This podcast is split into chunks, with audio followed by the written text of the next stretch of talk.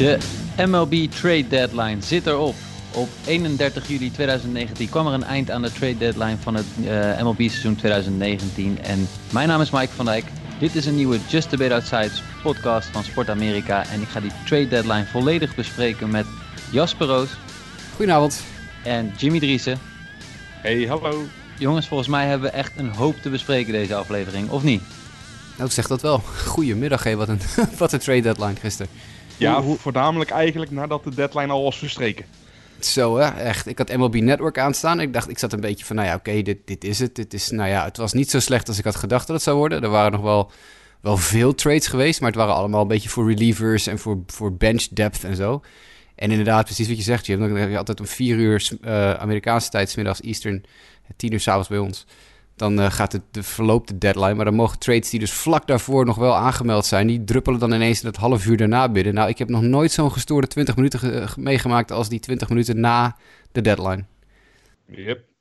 het, was, uh, het was eindelijk weer vuurwerk. En daar hebben we eigenlijk ook, dat is ook hetgeen waar we eigenlijk op, uh, op gehoopt hadden. dat was, vond ik super mooi om, om, om mee te maken en weer te zien dat de teams echt wel durfden trades te maken.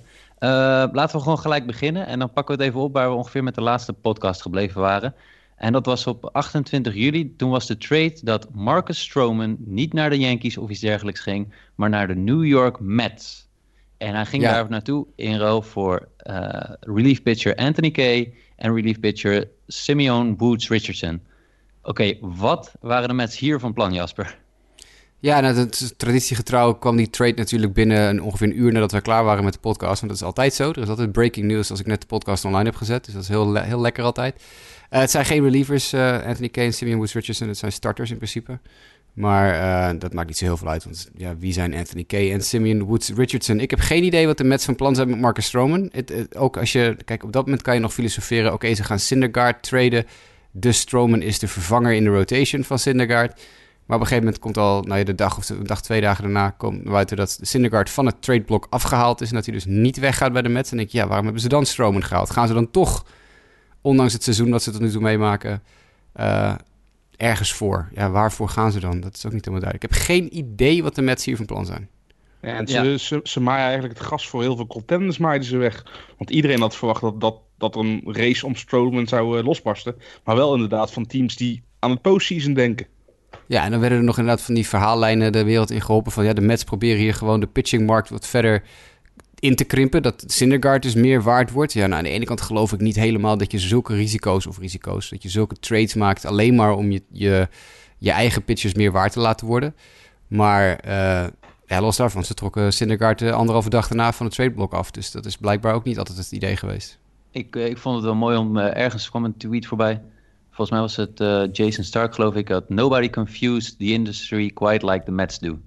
Ja, dus nou, 100% waar. Niemand begrijpt ook op dit moment volgens mij nog wat die trade nou voor hun heeft opgeleverd.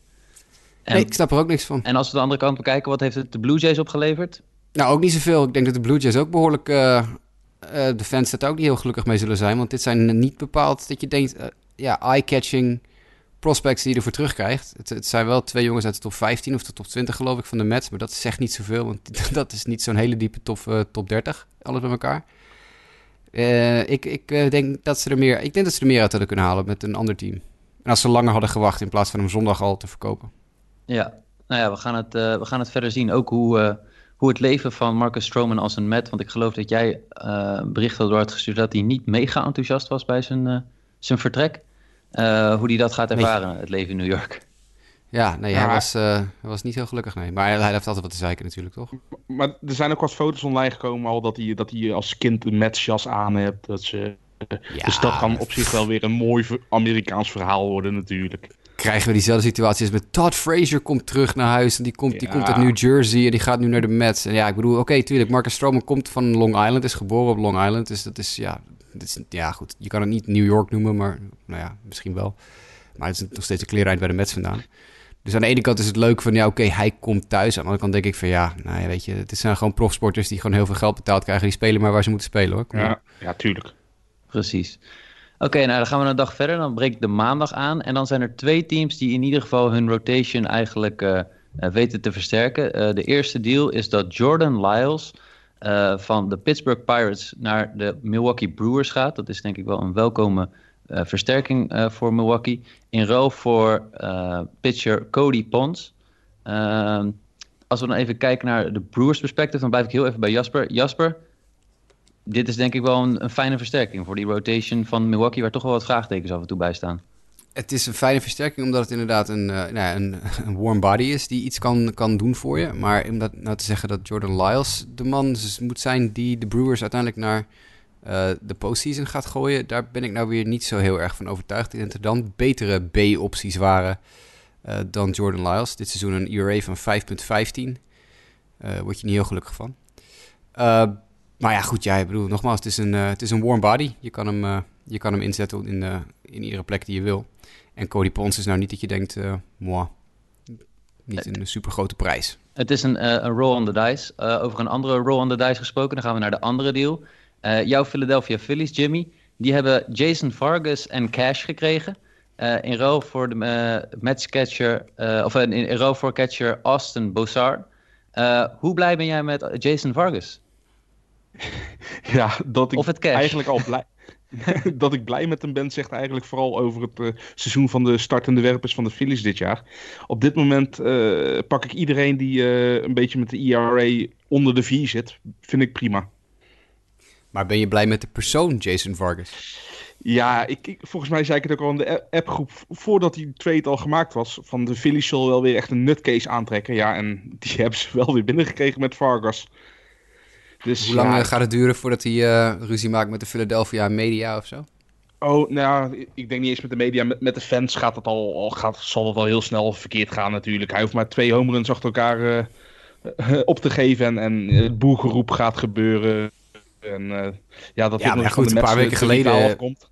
Een paar weken geleden bij, in New York uh, schold hij een, een, reporter verrot. Dus dat is... Ja, klopt, klopt. Ik ben heel benieuwd of dat in Philly ook gaat gebeuren dat, gaat gezellig worden met een andere gast als uh, Jake Arrieta in de, in de clubhouse. Dus uh, dat kan ja, uh, maar, ja. vuurwerk opleveren. Hopelijk ja, wel in de goede zin van het woord. Maar ja, de, de Phillies maken deze, deze move zonder iets vers, iets moeilijks op te geven, iets goeds. ja, daar kan ik niet op haten. Nee. Nee. En Aston Bozart, hebben we daar scouting reports van Jasper of iets dergelijks? misschien dat Jimmy hem nog kent uit het systeem van de Phillies, dat hij er iets over kan zeggen? Ja, volgens mij is het gewoon vooral een, zoals heel veel catches tegenwoordig zijn, defensief sterk. Ja, geen bed. Nee, het, is, uh, het is een... Uh, de enige opvallende link is dat uh, deze jongen komt bij de, dezelfde college school vandaan als Bradley Wilpon, de zoon van de Mets van COO Jeff Wilpon. Dus deze jongen heeft waarschijnlijk in het team gezeten of kende de zoon van Jeff Wilpon of is naar dezelfde, nou weet ik veel, hoe dan ook. Wel grappig dat hij natuurlijk nu dan bij, uh, bij de Mets terecht uh, is gekomen. Ja. Uh, Bossard was wel echt een, echt een goede speler in college hoor. Was Ivy League Player of the Year in 2015. En was een, een halve finalist voor de Johnny Bench Award voor de beste catcher in, de, in het land. Dus hij is, in college was hij echt fantastisch. Ja, maar zowel voor de Phillies in deze deal en uh, net zoals besproken met Milwaukee zijn dit eigenlijk marginale upgrades van hun rotations. Uh, Ze probeerden wat te doen en dit is wat ze op dat moment uh, binnen hebben gehad. Maar er zijn natuurlijk grotere namen gegaan. grotere pitchernamen rondgegaan in de markt. En dan gaan we namelijk even naar dinsdag. En ja, ik wil eigenlijk even gelijk beginnen met wat ik zie als de grootste trade van die dinsdag. een klein beetje voorgeschiedenis. We hadden de podcast opgenomen volgens mij zondag, Jasper. Ehm, toen hadden we nog even het heel kort gehad over Trevor Bauer. En dat ik volgens mij zei, ja, die gaat niet weg. Uh, Indians zijn terug in de running voor die divisie. Waarom zou je je beste pitcher wegdoen? Nou, als je één reden of één manier wil vinden hoe je jezelf weggetrade kan krijgen, is het op het moment dat je een iets wat slechte start hebt, een bal te pakken en hem ergens falikant uit het stadion te gooien. Uh, en dan, uh, ja, dat, dat, dat zag er niet best uit. Trevor Bauer deed dat in de start tegen de Kansas City Royals. En uit frustratie wierp hij een bal letterlijk over de centerfield wall. Het was echt vrij bizar. Ja, vanaf de nog... pitcherheuvel, ja. vanaf de heuvel maar... smeet hij hem gewoon straight away, echt dead away centerfield. maar maar wat, wat is het verschil? Normaal gooit hij hem eerst de andere kant op en gaat hij alsnog daar over het hek. Ja. ja, maar dit is natuurlijk een, een uiting van frustratie die ja, ook als...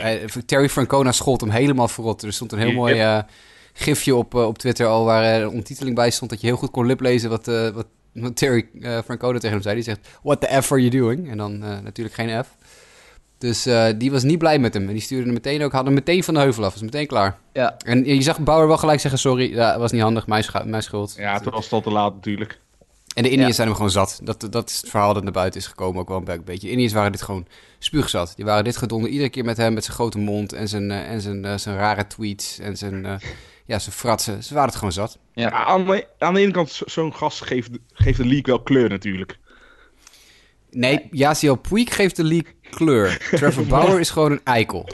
Mooi bruggetje. La, la, ja, maar laten we heel even nog bij Bauer blijven. Ik, ik ben het met je eens inderdaad, Jasper, dat ik denk van uh, de Indians waren hier klaar mee. En het is natuurlijk ook niet, niet, de eerste keer dat Trevor Bauer uh, weggetraind wordt van een team, omdat hij uh, zijn persoonlijkheid gewoon moeilijk te handhaven is binnen een, ja, een organisatie. Jij weet het, jij weet het. Yep, ja. hij moest ook de Diamondbacks verlaten om die reden.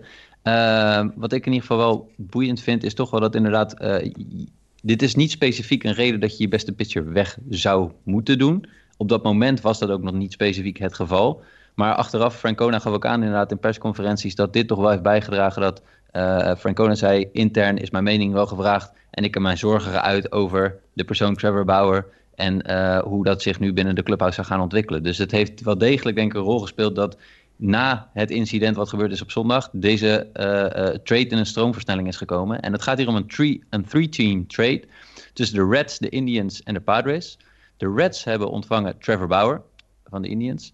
De Indians hebben gekregen uh, Yashio Puig en minor leaguer Scott Moss van de Reds. En Franmil Reyes en Logan Allen en Victor Nova, dat zijn stuk voor stuk een outfielder, een pitcher en een derde honkman van de Padres. En de San Diego Padres krijgen Taylor Trammell, een outfielder van de Cincinnati Reds. Uh, heel kort gewoon even stilstaan bij de spelers, want het verhaal van de Reds gaan we zo meteen heel kort ook nog eventjes op in. Maar uh, kijkend naar het perspectief van de Cincinnati Reds, is Trevor Bauer hetgeen wat zij eigenlijk nodig hebben als organisatie, als, als club? Uh, Jimmy, wat denk jij? Uh, nou, ik vind dat de pitching staff het verrassend goed al dit, dit seizoen draait bij, bij de Reds. Dus ik weet niet of daar het grootste probleem is. Ik denk wel, in deze trade uh, krijgen ze de beste speler. En ik ben er nooit op tegen om een trade te maken waarbij je op dit moment de beste speler krijgt. Uh, ja, maar ze zitten in een hartstikke sterke divisie. Ik weet niet of ze er iets mee opschieten. Nee. Ik ben het met Jimmy eens. Ik, ik, het probleem is wat ik een beetje bij de Reds heb. Ik, ik ik juich het enorm toe, hè, wat die aan het doen zijn sinds een jaar of anderhalf. Na echt, echt jaren van futiliteit en geen ze, idee. Ze wat durven tenminste iets. Precies, ze, ze, doen iets en ze zijn en, en, en de Sonny Gray binnengehaald en Tanner Roark binnengehaald. Nou ja, goed, die werd dan later op die dag of twee dagen later uh, weer verkocht. Dus een ander verhaal komen ze meteen op. Maar bedoel, ze proberen tenminste wel iets. Alleen, het is voor mijn gevoel toch, het blijft een beetje een club die een beetje ergens tussenin zit. Want nu ook dan halen ze Trevor Bauer. Maar Tanner Roark en Scooter Jeanette worden later of een dag later verkocht. Ja, dan denk je, oké, je haalt Bauer binnen om ergens voor te gaan. En dan doe je letterlijk je All-Star tweede honkman Scooter Jeanette weg. Van vorig jaar All-Star All Scooter Jeanette, die in één keer een enorme breakout heeft gehad. Voor werkelijk helemaal niets. Ze hebben hem echt gewoon weggedaan voor niets. Dus ja, ik snap niet zo goed wat de Reds willen. Willen ze ergens voor gaan? Ik bedoel, ze, halen hun, ze, sturen hun ster Yaziel Puig. Dat, hoe je het ook bent of verkeerd, is je ster. In gedrag en soms in, in spel. En, en wat, wat ben je nou van plan? Je, je top, een van je top prospects stuur je in deze trade ook nog weg. Want Taylor Trammell, hoewel die een dramatisch jaar heeft tot nu toe... en eigenlijk ieder jaar al sinds zijn draft is... in 2016 is hij gedraft uh, in de supplemental ronde... In de, tussen de eerste en tweede ronde in... Uh, zijn OPS neemt elk jaar tot nu toe af. Iedere keer dat hij een, een niveautje hoger gaat spelen... neemt zijn OPS weer verder af. Dus op zich is er echt wel een alarmbelletje te rinkelen over Taylor Trammell... Maar het is wel gewoon een van je beste prospects. En San Diego staat er nog niet bepaald onbekend dat ze graag slechte prospects overnemen. Het enige wat die doen is overal de beste prospects vandaan plukken. Ja, yep. klopt. Dus ik, ik heb geen idee wat de Reds allemaal aan het doen zijn. Ze sturen hun sterspeler weg. Ze sturen uiteindelijk nog een paar spelers weg. En, en, en hun top prospect voor Trevor Bauer. Die eind volgend jaar weer um, weer free agent is. Ja, ja ik geloof dat hij na dit seizoen naar een eh, salaris gaat van 18 miljoen. Dan zijn de Reds wel een team die dat salaris kunnen ophoesten. Maar ik, ik, ik had zelfs zoiets van, wat, wat wil je nu met Trevor Bauer? Je bent voor mij gewoon totaal niet in contentie voor deze divisie of iets dergelijks. En dan heb je één seizoen van Trevor Bauer wat je ongetwijfeld gaat helpen. Misschien volgend jaar. Maar Trevor Bauer gaat, denk ik... En ik denk dat heel veel mensen dat ook... Uh, jullie dat waarschijnlijk ook denken. Na volgend seizoen de kans dat hij blijft bij de Cincinnati Reds? Ik weet het niet. Sterker nog, er is een, voor mijn gevoel al een kans dat hij deze winter al uh, weggetrade wordt. Ja, ja nee, dat zou ook nog... Ja, uh... ja maar de, de Reds moeten dit toch ook wel. Ik bedoel, ze staan zeven, zeven games achter. Niet alleen op Milwaukee, maar ook op de Cardinals en op de Cubs. Ze, vechten tegen drie andere teams. Dat is moeilijker dan tegen één ander team eh, te vechten natuurlijk. Dus nee, ik bedoel, ik ben het helemaal met Jasper eens. Tof dat ze iets proberen. Maar uh, je moet ook af en toe je, je verstand gebruiken. Ja, de buy-and-sell approach van hun vond ik deze trade deadline niet geslaagd. Eh, wat Jasper aangeeft. Uh, de Indians, die krijgen echt een, een aardig pakketje van spelers. Worden zij hier beter van in de divisierace? Ja. Ja, want ze hebben Bauer veel minder hard nodig dan die gasten die ze binnenhalen. Fran Reyes, die, hoeveel heeft hij er al uit liggen dit jaar? 27 geloof ik of zo? Ja. Dat is, die, die gast, die, die staat... Eh, we hebben in de, in de pre-season show hebben wij het uitgebreid gehad. Jimmy was er toen nog niet bij, maar die heeft dat misschien wel gehoord uh, toen hij luisterde. We hebben het uitgebreid gehad over de futiliteit van het Indians outfield. Ja. Dat, toen hebben we het over jongens gehad als Jordan Luplo, die start in de midvelder waren. Zo, dat soort figuren, weet je wel. Echt, toen hebben, hebben we allemaal gezegd, zowel Justin als jij, Mike, als ik... en volgens Nick misschien ook nog wel een keer... Van, dit outfield van de Indians is echt om te huilen. Ja. En dat is eigenlijk niet echt beter geworden. En nu hebben ze Yasiel Puig en Fran Reyes. Dat outfield is ineens een van de betere in de AL Central. Ja. Het zijn, in ieder geval wel spelers met, met hoog plafond. En, als ze dan en heel veel power. Ja, ze hadden gewoon ze hebben te weinig power bij de Indians. Ja. Nou ja, en ik vond het in die zin ook wel interessant. Weet je, ze weten gewoon met Bauer, dat, dat gaat naar volgend seizoen waarschijnlijk ook. De Indians gaan dat niet houden uh, met het salaris en dergelijke. Uh, en ze hebben nu echt gewoon best wel wat spelers. En je denkt van nou, daar heb je weer wat langere uh, levenslijn van contracten en perspectief voor. Uh, je, wat ik zelf wel een interessante is, vind, is dat je dus wel Yashio Puig binnenhoudt. Je, Bauer doe je weg, maar inderdaad, Puig is ook wel een distraction in de clubhouse. daar krijgt ja, zijn zijn handen wel vol aan. Hij gaat, hij gaat de Pirates niet tegenkomen natuurlijk, hè? nee, dat scheelt. Dat de Indianen en Piraten, gaat dat beter dan Reds en Pirates? Ik heb geen idee, maar moet dat wel. Maar dat ligt allemaal in de Pirates. Daar kan, kan, ga ik in de volgende podcast nog wel een keer even over. Ik ben helemaal, helemaal zat met de, met de Pirates. Maar goed. Willen, willen we het nu nog hebben? Even, willen we het nu nog hebben even over die brawl en, die, en, de trade en dergelijke daarin, of niet? Ja, Puig werd dus... Die trade die, die gebeurde tijdens de wedstrijd tegen de Pirates. Dus Puig werd gewisseld. En toen werd die trade... Die druppelde naar buiten. Het was heel grappig dat zelfs... Uh, Jesse Winker, die in het outfield stond, werd, werd, door de fans op de hoogte gebracht van de trade. Dat is een heel grappig filmpje, staat er op Twitter van Jesse Winker, die uh, met de fans loopt te praten van... hey, wat, wat, is er aan de hand? Is Puig getraind? En dan komt het hele verhaal van die fan. Uh, en Puig komt tijdens die vechtpartij komt hij het veld weer oprennen. die, die, ja, die gaat er wel een schorsingje krijgen. En datzelfde geldt voor David Bell, want die was als manager van de Reds uit het veld gestuurd eerder in die wedstrijd. En die kwam ook uit de clubhuis rennen en die is ook helemaal losgegaan. Ja. Dus er komen nog wel wat schorsingen. Ja, dat ja, gebeurt dan ook om dat hele verhaal nou weer door te nemen. Het zijn de Pirates en de Reds weer. Die hebben al jaren gedonder. Lionel vertelde dat van de week ook alweer. Het is, het is altijd gelazer met die gasten. En het, is, het ligt allemaal aan de Pirates. De, de Pirates, Clint Hurdle is gewoon een enorme headhunter. Die laat gewoon, die, die, die, die draagt zijn spelers op om uh, op hoofden te gooien. Dat is een uh, verhaal dat inmiddels serieus uh, rondgaat in de majors. Dat is ook wat David Bell na de wedstrijd zei. Die zei gewoon, we zijn het spuugzat met ze. Uh, dit is gewoon klaar. En het enige wat ik kan zeggen is uh, hashtag team Amir Garrett. Want wat Amir Garrett deed, is er eentje even vijf Pirates aan, aan, aanvallen. ja, ja, maar die gast is... net zo groot als al die vijf Pirates bij elkaar natuurlijk. Hè? Ja, dat is wel waar, ja. Maar wat een beestenactie. Maar goed, ja. is, uh, als mensen deze brawl nog niet gezien hebben, zoek hem even op op Google. Er, staat, er staan uitgebreide filmpjes op internet. Ja. Maar ja, weet je, het probleem terug even naar de trade en dan, dan ronden we hem af en dan gaan we verder. Is dat uh, Puig natuurlijk aan het eind van het jaar weer free agent is. Dus dit, dit, is eigenlijk een rental voor de Indians, want ze gaan hem natuurlijk niet houden. Nee, Nee, nee, dat denk ik ook niet. Uh, Tremor, uh, hebben we net al heel kort heb je al aangegeven. Uh, ik denk niet ja, wie, wie Victor Nova is, weet ik niet. Dat heb ik nog nooit van gehoord van die gozer. En ja, Logan Allen hebben we gezien in de, in de majors al dit jaar. 5,5 ERA. Maar wel gewoon een getalenteerde nummer 5 starter... die de Indians ook nog best wel kunnen gebruiken dit jaar waarschijnlijk. Oké. Okay. Uh, volgende trade, dat is dat de Braves de bullpen hebben versterkt met uh, Chris Martin. Of in ieder geval de uh, pitcher Chris Martin binnen hebben gehaald. In ruil voor Colby Allard uh, van de Texas Rangers. Niet echt een noemenswaardige trade, uh, denk ik. Eenmaal. Nou ja, Colby Allard was wel een goede prospect once in a long time ago. Maar dat is op zich nog steeds zo. Dit is gewoon, ja, oké. Okay. Prima. Interesting. Move on. Ja, de Rangers right. hebben het wel goed gedaan, denk ik. Yes. Oké. Okay. Uh, dan de Chicago Cubs. we gaan even naar Chicago. Die hebben ook een pitcher erbij gehaald. David Phelps en Cash in Rome met Toronto Blue Jays. De Blue Jays waren zeer actief de afgelopen dagen. Zo. Uh, en die krijgen daarvoor in ruil terug minor league pitcher Thomas Hatch. Ja, blijft Phelps fit? Goeie vraag. Ja, ja nou. ik, ik vrees het ergste. Ik ook. Ja, dit is, ja, dit is oké, maar de, de, Cubs hebben niks op hoeven geven. Dat Thomas Hatch, dat is nou niet dat je denkt van de second coming of Justin Verlander of zo. Dus ja, oké. Diepte, diepte move. Ja. ja. Dat was nou zo'n move waarvan we er heel veel zagen op de, rond de 30ste en de 31ste. Van, denk je, een pitcher als David Phelps, ja, word je er nou heel veel beter van? Nee, maar als hij fit blijft, dan heb je er wel wat aan. Ja, alleen zijn home run uh, per 9 innings uh, vind ik toch wel... Uh, dat ik denk van, nou, blijf er maar bij, bij weg, Cubs, als ik jou was. Ja, dat is leuk. Maar goed, ik bedoel, het, is, het is een move die, die, die, die op zich wel weer wat diepte geeft. Ja, nee, precies. Uh, dan gaan we naar de dag zelf, de woensdag. En ik vertelde net al dat de Braves dus een bullpenarm erbij hadden met Chris Martin. Uh, twee trades nog erbij op woensdag die de bullpen moeten versterken. De ene trade is dat de Braves Shane Green erbij hebben gehaald van de, van de Detroit Tigers. Dat is wel een serieuze uh, versterking.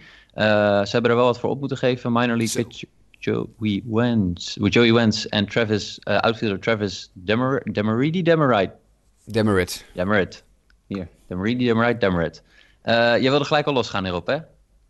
Ja, dit is dus echt een serieuze haul voor de, voor de Tigers, hoor. Want ja, oké, Shane Green doet het dit jaar best aardig, maar vorig jaar was het een, uh, een dumpster fire van hier tot Tokio.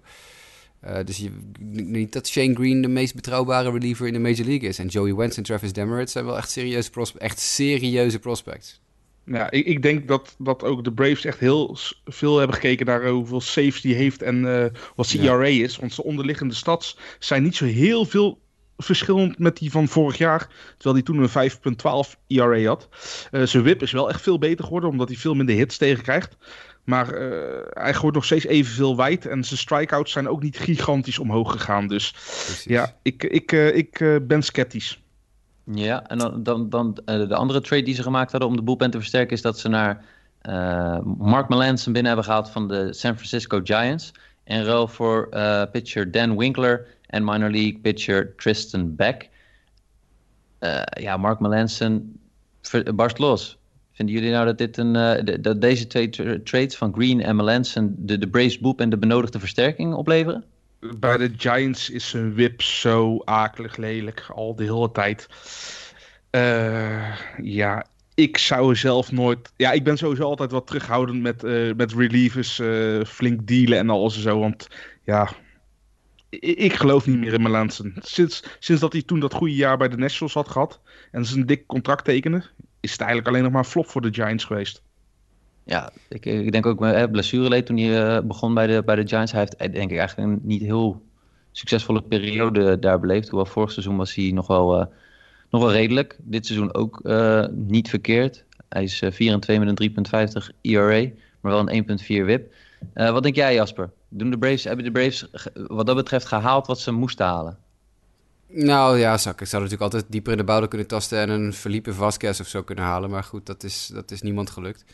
Uh, ja, weet je, ik ben ook geen fan van Melanson. Hij is ook alweer 34, maar dat is wel ervaring dat je dan in de boelpen haalt. En misschien is dat ook wel eens een keer weer goed voor de Braves. Dan Winkler is nou, dat er valt niemand zich een buil aan. Daar worden de Braves echt niet minder van dat hij weg is. Misschien is dat wel zelfs uh, addition by subtraction, want Winkler is nou ook niet zo heel goed meer. Tristan Beck was ooit wel een goede prospect, maar dat is ook niet meer. die glans is er een beetje vanaf gegaan de laatste tijd. Ja, ik. Dit, je hebt hetzelfde soort als David Phelps vind ik wel even een interessante vraag. Hè? We hebben hier de Giants één keer. We gaan ze nog een paar keer tegenkomen in verschillende trades. Was ook een van de teams die wat actiever waren uh, op de laatste dag. Uh, was dit voor hun nou een, een buy of een sell? Dit was een sell. Oké. Okay.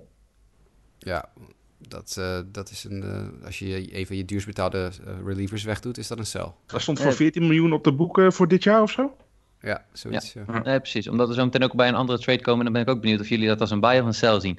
Uh, we gaan door. Moving on, moving on. Uh, de Chicago Cubs hebben ook nog een speler gehaald waar uh, Jasper al eerder aan gerefereerd had dat hij nog wel eens de kant op zou kunnen gaan eh, van de Cubs. Volgens mij in de laatste podcastaflevering. Yep. Nick Castellanos en Cash, dat was ook een populaire speler, ehm, gingen naar de Chicago Cubs. En de Detroit Tigers kregen daarvoor terug pitchers Paul Richen en Alex Lang.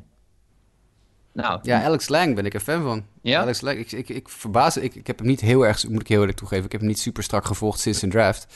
Hij is in 2017 gedraft, zeg ik uit mijn hoofd. Ja, 2017. Eerste ronde. Uh, de eerste pick van de Cubs in 2017 van LSU. En ik vond hem echt een heel goede pitcher altijd in college. Ik heb echt wel ja, met heel veel plezier altijd hem gevolgd. Maar in, tot nu toe in zijn minor league carrière is het echt bagger. Dus ik denk dat dit een beetje een, ja, een buy low is van de firma uit Detroit. Ik wil net zeggen, ik heb zijn statistieken voor me en ja, daar word je niet heel, heel vrolijk van. Nee, is vreselijk. Ja, het is echt verschrikkelijk. Hoewel hij het in double A beter deed dit jaar dan in A+. Dus dat is dan weer interessant. Maar nee, het, is, het gaat niet goed. En Nick Castellanos hebben we het in de laatste aflevering over gehad. Wij zagen dat niet echt als een versterking voor de Chicago Cubs, maar ze hebben toch die move gemaakt. Ja, iemand die linkshandig pitching kan, kan kraken is op zich wel een, een must voor de Cubs natuurlijk. Dat, daar hebben ze hem precies om gehaald. Castellanos die, die vermoordt lefties. Kijk. Dus ja, nou, dan heb je een goede pinch hitter. Je hebt een goede situation, situational hitter die je in een line-up kan zetten als je tegen een lefty bent. Want ik geloof, wat is Hayward's splits tegenwoordig tegen, tegen lefties? Dat, dat kan niet heel veel, heel veel zijn. Dat ik denk dat, ze, ik denk dat ze OBP en batting average onder de 200 liggen daartegen.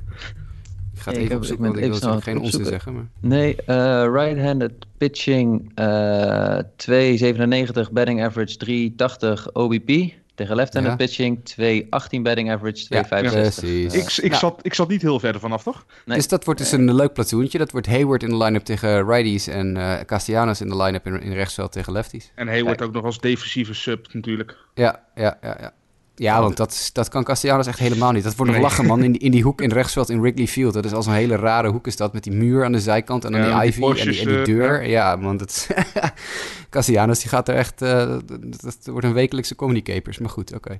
daar, daar, daar zijn wij toch voor? Ja, dat is wel waar, ja. Misschien krijgen we het Castellanos moment van de podcast deze week. Ehm, oké, we hebben nog zat trades te bespreken, dus ook wij gaan weer verder. Uh, dan gaan we naar een bekende van de podcast, namelijk Scooter Jeanette, de neef van uh, Lionel Stute, zoals we hem ook al vaak uh, liefkozen noemen. Ja, die ging weg bij de Cincinnati Reds. die is geruild naar de San Francisco Giants voor a player to be named later. Dit is dus typisch de vraag die ik eigenlijk nog een keer wil stellen. Is dit een buy of een sell van de Giants? Giants, ja, een buy. Ja, ja voor, voor mij een buy. Zolang we niet weten wie de player to be named later is, is dit een buy. Een, ja. een, een panic buy. Ja, daar heb je gisteravond op zitten broeden op die... Eh, zeker, zeker. Ja, ja, precies. de panic button. Uh, ja, nee, dit is een, dit is een buy. Ik, ik, begrijp hem niet zo goed, maar dat is een ander punt. Uh, ja, van de Giants begrijp ik hem wel, maar van de Reds snap ik hem helemaal niet. Dat hangt er natuurlijk altijd een beetje af wat de player to be named later gaat worden.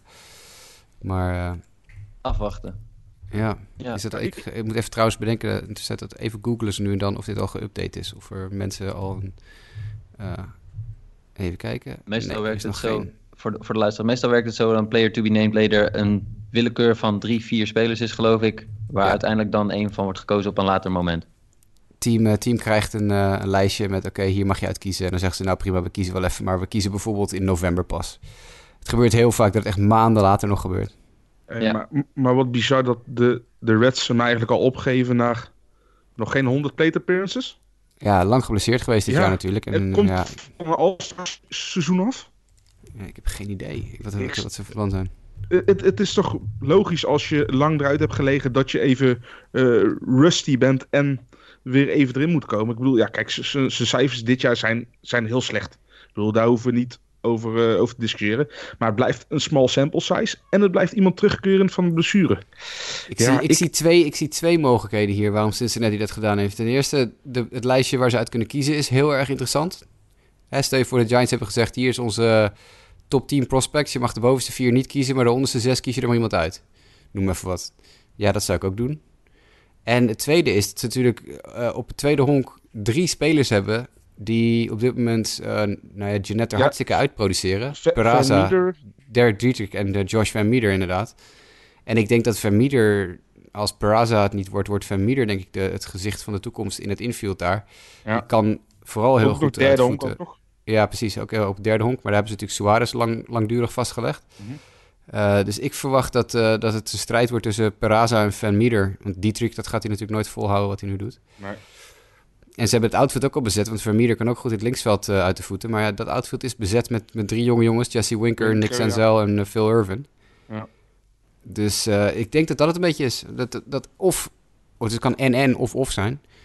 Ja. of, of ze hebben een mooie aanbied, aanbieding gekregen en, en, en, ze hebben hem gepakt. Of ze willen gewoon verder met Peraza en Vermeer. Ja, en daarnaast kunnen ze ook denken van dat hij dat niveau na zijn blessure gewoon nooit meer zo goed wordt als voor zijn blessure. Ja, kan ook. Ja, we weten natuurlijk ook niet wat er medisch nog aan vast zit. We gaan het in ieder geval in de gaten houden. Toch? Yep. Yes, dan gaan we naar een trade die in ieder geval voor prospect lovers, zoals Jasper waarschijnlijk wel het nodige aan emotie losmaakt. De Arizona Diamondbacks die hebben Zach uh, Gallen gehaald, volgens mij. We hebben hier een sheet voor ons staan. Daar staat het precies verkeerd, verkeerd, om, geloof ik. Uh, en de Miami Marlins hebben daarvoor teruggekregen shortstop Jazz Chisholm. Wat ik een van de mooiste namen vind, nu al. Uh, van, een, uh, van een honkbalspeler. Maar Jazz Chisholm is nog niet gedebuteerd in de MLB. Zach Gallen wel, die heeft al zeven starts uh, volgens mij gemaakt. Maar dit was wel een, een, een, een, trade die het nodige losmaakte, zeg maar, in de industry. Jasper, wat was jouw take aan deze? Nou, er waren twee trades waarvan echt mijn mond open viel gisteren. En dit was er eentje van. Want dit waren twee spelers die ik allebei totaal niet verwacht had dat ze getrade zouden worden. Zach Gallen als zo'n beetje de beste pitching prospect die de Marlins een beetje hebben op dit moment. Hadden. En ze, hebben, dus en ze hebben er best veel. En ze hebben er dus best veel, want aan de lopende band, dat weten we van Justin, die zo'n grote fan is van de, van de Marlins pitching staff met Jordan Yamamoto en uh, Pablo Lopez en Zach Gallen. En, je mist Caleb, uh, je mist Caleb Smith. Ja, en, en, Caleb, Caleb Smith natuurlijk. Maar dat is niet echt een prospect, die is al 7 28, dus dat is, dat is meer wat ouder al. Maar ja, ik had nooit gedacht dat Gallen, nooit gedacht dat Miami Gallen zou treden. Echt nooit. En ik ben een enorme fan van Jazz, of hij heet Jazzrado eigenlijk, maar hij wordt Jazz genoemd. Jazz Chisholm, die overigens uit mag komen voor team Groot-Brittannië, geloof ik, in de internationaal honkbal, als die dat zou willen. Uh, het is geen Brit, geloof ik, maar hij komt van een van die Britse eilanden, Bahama's of zo, iets in die geest. Maar goed, dat is een uh, ander punt. Uh, Jazzrado Chisholm, Jazz Chisholm is echt een, echt een, ja, een goede prospect. Staat, ik geloof, top 40, top 30 in de MLB top 100. Nou, dan, dan top 30 geloof ik. Dan kan je wel, wel aardig honkballen. Dus dit is uh, voor, inderdaad voor prospect mensen is dit echt een enorme big deal. Ja, nee, dit was, uh, ik, ik, vond het ook leuk om te zien, zeg maar. Uh, tenminste, voor beide kanten was het ook wel het gevoel aan dat ze hier een, een positieve deal aan hebben gedaan. weet je, de Diamondbacks hadden op zich geen hulp nodig op een korte termijn voor korte stop. en die kunnen altijd wel zeker een arm gebruiken. Zeker met dat ja, een, een arm die, die de majors ook al in kan. Of weet je, dat, dat ja. is ook niet Ja, gelijk. En hopelijk, zeker. hopelijk wordt deze prospect infielder beter uh, qua deal dan met uh, de Braves voor uh, Swanson toen. Ja, zo. Moet ik je daar nog even aan herinneren, Mike? ja, het was een leuke aflevering, jongens, vandaag. nee, Prettige wedstrijd. Ja, ja nee. Nee, dus... Ja. Dit, uh, ik, ben, ik ben benieuwd hoe deze uitpakt. Ik denk dat je hier zo maar twee winners uh, kan hebben in, uh, in deze trade. Absoluut, ja. En het is ook niet zo dat je, dat je denkt van... wow, wat een on oneerlijke trade of zo. Want dit zijn allebei gewoon echt supergoeie spelers. Ja, en daarnaast ja. de Mar Marlins kunnen pitching missen... en hebben niet een, een, een Major League proven speler al nodig... want ze gaan toch nog nergens heen, dus... Ja, ja. ja dus makes sense. Gaan we verder. Dan komen de Houston Astros in het spel. Want de Houston Astros hebben Martin Maldonado, de catcher van de Chicago Cubs, gekregen. In ruil voor outfielder Tony Kemp, die eigenlijk geen plek meer had, zeg maar, een beetje uh, in Houston. Uh, ja, Martin Maldonado, apart verhaal. Die is voor de tweede keer uh, in één maand geruild. Wie, en, ook, en ook weer terug naar het team waar hij vorig jaar zat. Ja, precies opvallend. Maar wel uh, uh, leuk, denk ik, voor hem. Hij, uh, wat, wat, wat vinden jullie voor de Astros? Hadden ze deze, deze niet echt om, om hem weer terug te halen? Nou, niet, niet. Maar het is algemeen bekend dat de Houston pitchers echt helemaal weg waren van het pitchen op Martin Maldonado. Dit vonden ze echt fantastisch. En ze bouwden er allemaal vreselijk van dat hij weg was. Dus dit is, dit is wel een positieve ontwikkeling, denk ik, ja. Ja, want Tony Kemp, daar worden de Cubs denk ik niet heel veel wijzer van. Nee, als je inderdaad uh, met Tony Kemp uh, iets moet gaan doen. Die was net gedieveed geloof ik door de Houston Ja, klopt. Die was gedieveed ja. omdat uh, Korea weer terugkwam van de IL. Ja, nou goed. We gaan het verder in de gaten houden en zien. het stopen voor Houston dat de pitching nog beter gaat worden op deze manier. Dan komen de Nationals. en het is in de, op het artikel van onze Sport Amerika website had, had Justin het ook al beschreven. De Nationals terugkerend issue ieder jaar is hoe gaan we de bullpen versterken. Uh, daar werden ook weer twee trades gemaakt om dat te doen. Uh, de eerste trade was dat er met de Toronto Blue Jays zaken werden gedaan. Uh, Daniel Hudson, reliever, werd gehaald van Toronto. Die ging naar Washington. En in ruil daarvoor stuurde de Washington Nationals pitcher Kyle Johnston, een minor leaguer, de kant op van Toronto. ja, de, Daniel Hudson, een, een, een redelijk ervaren MLB-pitcher. Heeft één hele goede maand gehad dit seizoen. Heeft een heel matige eerste maand gehad van dit seizoen. Ik weet niet of de, de, de Nationals hier enorm veel beter voor hebben. Maar het is in ieder geval een arm die kan uh, overleven, zeg maar, in, uh, in de Major League. Uh, hoe kijken jullie aan tegen deze trade? Ik ken Kyle Johnson niet. Ik ook niet. Nee. Wow, wacht even. Jasper, hoor ik dat goed? Nee, nooit van die gozer gehoord. Dan, dan, dan, kan, dan is het waarschijnlijk niet eens een honkbalspeler.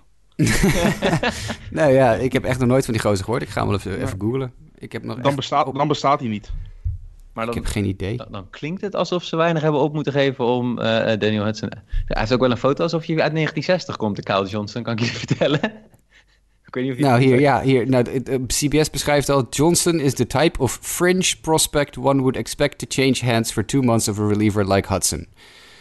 Zesde ronde pick in 2017 en een 4 ERA in 100 innings in A+. Ja. Kortom, en, oh, en dat, dit, dat is hem. Hij, eh, Toronto heeft hem weggedaan omdat ze hem anders... Of hij, sorry, uh, Washington heeft hem weggedaan omdat ze hem anders... Uh, op de 40-man roster hadden moeten zetten. Omdat hij anders uh, Rule 5 eligible is in ah, december. dus, dan kunnen ze ook... dus dit is inderdaad zo'n zo'n zo'n speler die de Nationals eigenlijk gewoon kwijt moeten. Omdat ze hem anders op de 40-man moeten zetten. Omdat ze hem anders voor niks en dan krijgen ze nou, kunnen raken. En dan krijgen ze nou nog een rental voor terug. Nu hebben ze, precies, nu hebben ze nog twee maanden van uh, Daniel Hudson ervoor.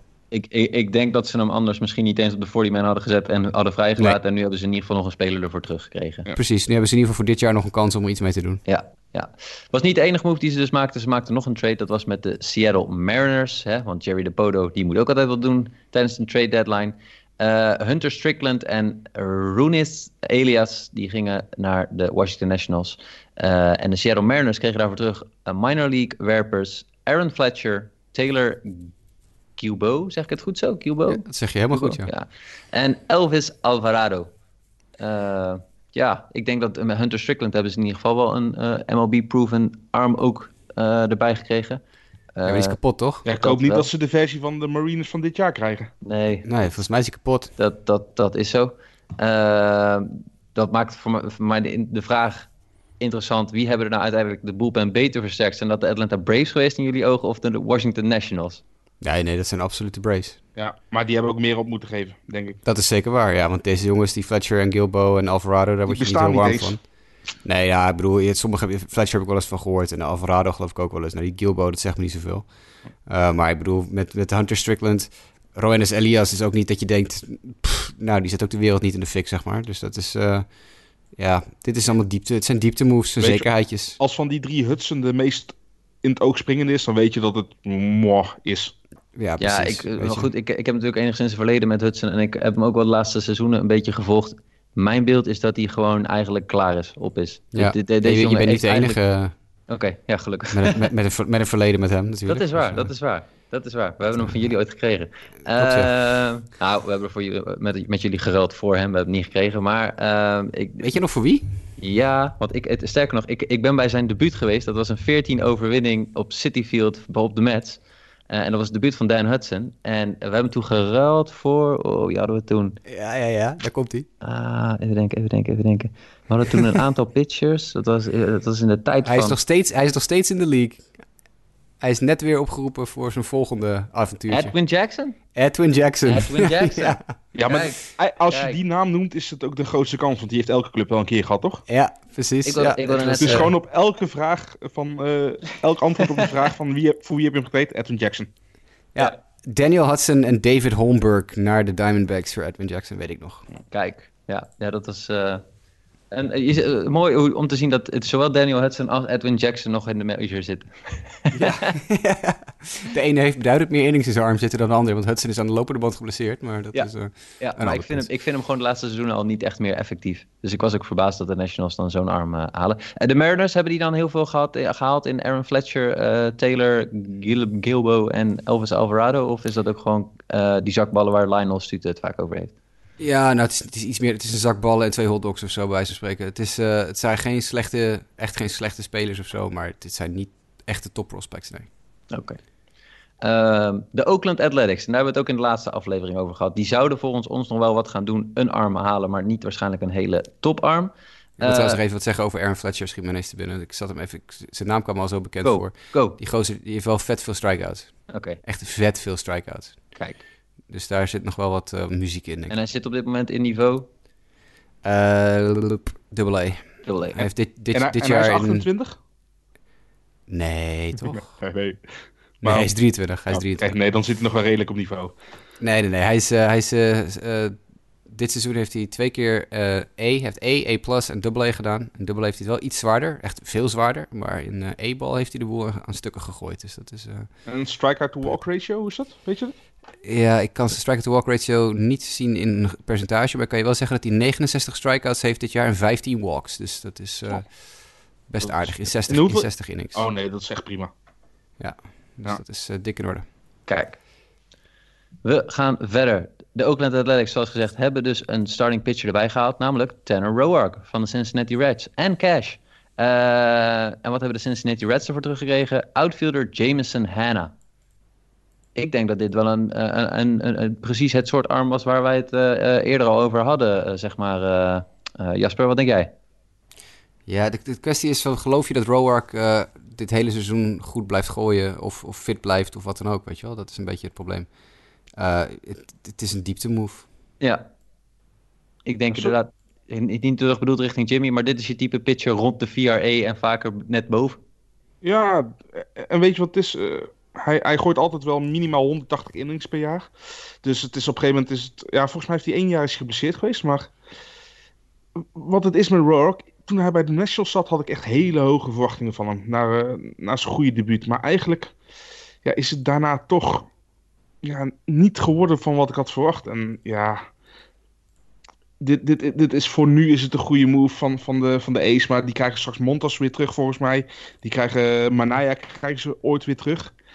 Ja, dan, dan is het een goede back of the rotation starter voor, uh, voor de Ace. Maar ja, ja, je wint geen kampioenschap mee.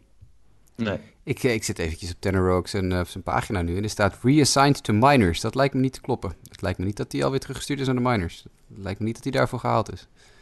Nee, dat lijkt me niet. Ik weet niet of het Triple A-team toevallig ook nog in een playoff push is. Nee, het lijkt me, lijkt me niet dat dat het geval is. Maar goed, misschien, uh, misschien is dat nog even een niet, niet geüpdate pagina of zo. Maar... Ik zie wel staan dat, ik zie... dat...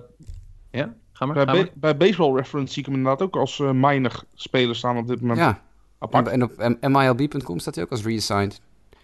Oké, okay. apart. This is interesting.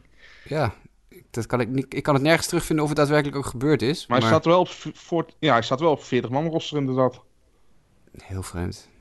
Over vreemde dingen gesproken, de enige nieuwtjes die ik vind over Tanner Roark is dat hij tijdens uh, op de parkeerplaats van een Arby's erachter is gekomen dat hij getrade is. Dus je weet nooit bij een trade wanneer het gaat gebeuren. Uh, het staat ook op MLB.com, reassigned to minors. Dus ik, dat, ik denk wat, dat wat is daar toch... verhaal achter? Ja, geen idee. Ik, ik probeer het te, te googlen, maar ik kan het niet vinden. Want hij komt toch ook niet terug van een blessure of wat dan ook? Nee, volgens mij niet. Nee, want hij, hmm. hij heeft 21 wedstrijden gestart voor de Reds dit jaar. Dan... Uh, dan moet ik eventjes het transaction, uh, het Athletics transaction ding hebben. De, hoe heet dat? Athletics transaction page. Dan kan ik alvast wel misschien de volgende trade even met jou bespreken, Jimmy, in de tussentijd. Natuurlijk. Of wachten we gewoon even rustig op Jasper tot ja, ga je gang, ga je gang. Want dat gaat namelijk over jouw Philadelphia Phillies. En die hebben een outfield bat erbij gekregen in de persoon van Corey Dickerson van de Pittsburgh Pirates. Wat betekent dit voor de Philadelphia Phillies? Uh, ja, dat ze ten eerste uh, een upgrade krijgen in het outfield als uh, Bruce nog langer geblesseerd blijft. Want daarover werd nou wel gesproken, dat hij nog steeds niet fit was. En ze missen McCutcheon natuurlijk ook al. Ja. Dus wat je vaker zal zien is dat Dixon het outfield gaat zitten en Kingery naar dead home gaat. En ja, Franco, ja, geen idee waar ze die neerzetten. Het liefst niet op het veld. En, en je krijgt sowieso inderdaad weer wat diepte op de bank. Want de pinch hitting van de Phillies is echt... ja, is, is double E-niveau misschien op, op, op zijn best. Dus uh, dit zijn gewoon heel goedkope moves weer die je iets beter maken, maar die uiteindelijk niet het verschil zullen maken. Nee, maar Dickerson wel op zich een, een, de laatste seizoenen een redelijk uh, steady ja, uh, geweest. Zeker tegen righties. Tuurlijk, hij had, had een prima gemiddelde. Dus wat dat betreft is het wel iemand die, die proven ja, zijn slaggemiddelde haalt. Ja. Maar het is ook niet dat je denkt van het is een superster die je binnenhaalt en je geeft die je farm op. Want jij ziet het, je geeft uh, international bonus pool money op en, en een player to be named ledig. Ja, dat zal ook niet heel, heel verrassend veel zijn. Nee, nee. Ik zie wel, zijn tegen rechtshandige pitchers is hij echt wel uh, bijzonder uit. Dan slagmiddel van 330 en een uh, 385 OBP. En dan vergelijk je dat met de lefties, dat is dan een 222 slaggemiddelde ja. tegen 300. Maar uh, we, gaan, we gaan zien hoe, uh, hoe Corey Dickerson gaat varen in, uh, in Philadelphia. En dan checken we even of Jasper inmiddels al... Ja. Kijk. Ik heb een heel logisch, het is eigenlijk heel logisch. Ik zit even door, dat, door die rosterspagina's te scrollen. En er staat nog niks, maar ik kan het eigenlijk wel begrijpen. Hij is getrade voor een minor leaguer. Jameson Hanna, de nummer 8 uit het systeem van de Oakland Athletics. Dat betekent dat het active roster nog steeds op 25 is, 25. Er is dus geen ruimte voor hem. Dus hij is even tijdelijk op het plekje in de minors gezet waar uh, Jameson Hanna stond.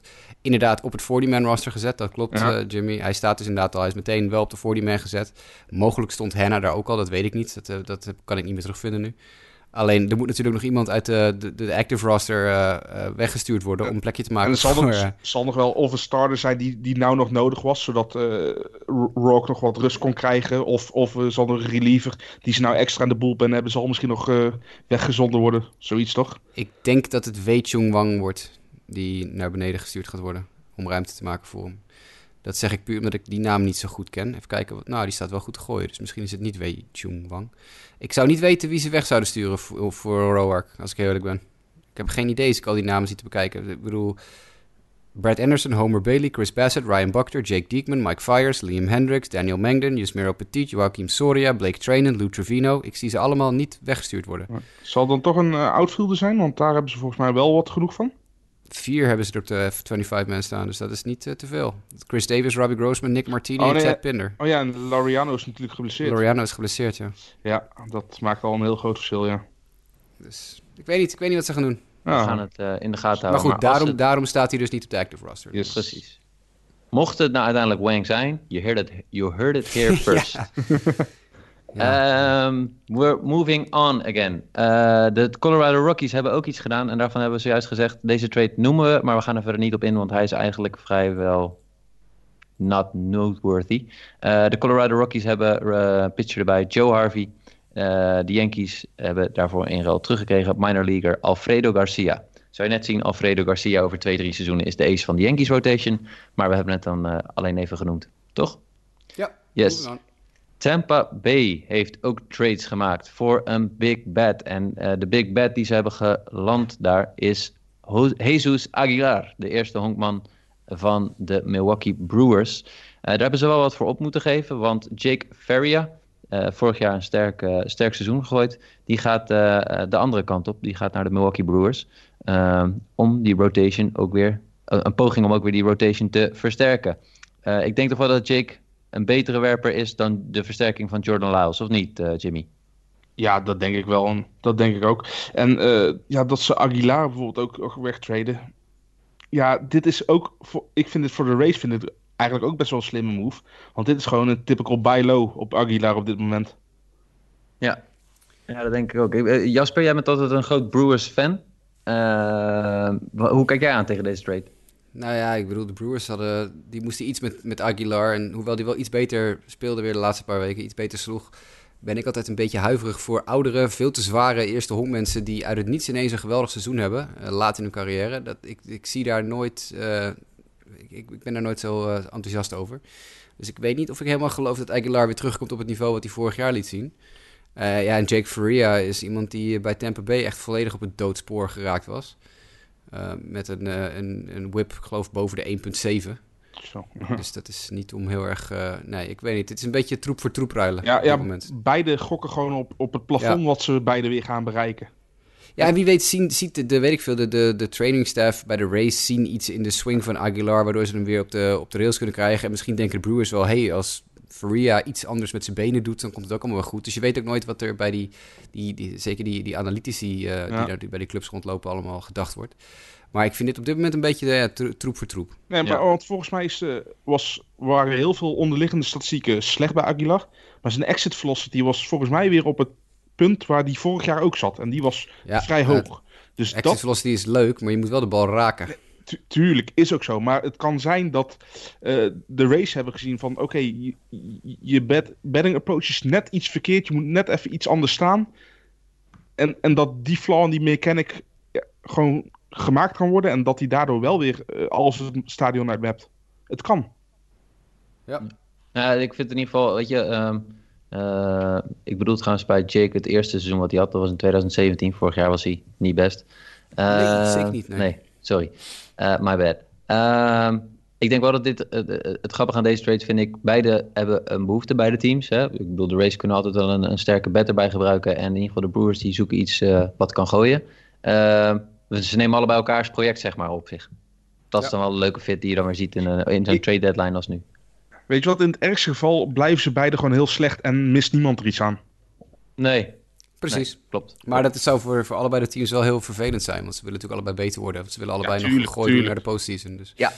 Ja, ja, ja, ja. Moving on. Uh, de Los Angeles Dodgers. En jij wilde zo meteen wat even uh, losgaan op de Los Angeles Dodgers. Maar ze hebben wel twee trades volgens mij uh, gemaakt. Daar gaan we heel even kort naar kijken. De ene was dat ze infielder Jad Jerko hebben gehaald. Die gaat terug naar de National League West. Niet voor de, naar de San Diego Padres, waar die vandaan kwam ooit. Maar nu naar de Los Angeles Dodgers. En ook nog samen met cash en international bonus pool money. en de Los Angeles Dodgers sturen in ruil daarvoor Tony Cingrani, en minor leaguer Jeffrey Abreu de kant op van de St. Louis Cardinals.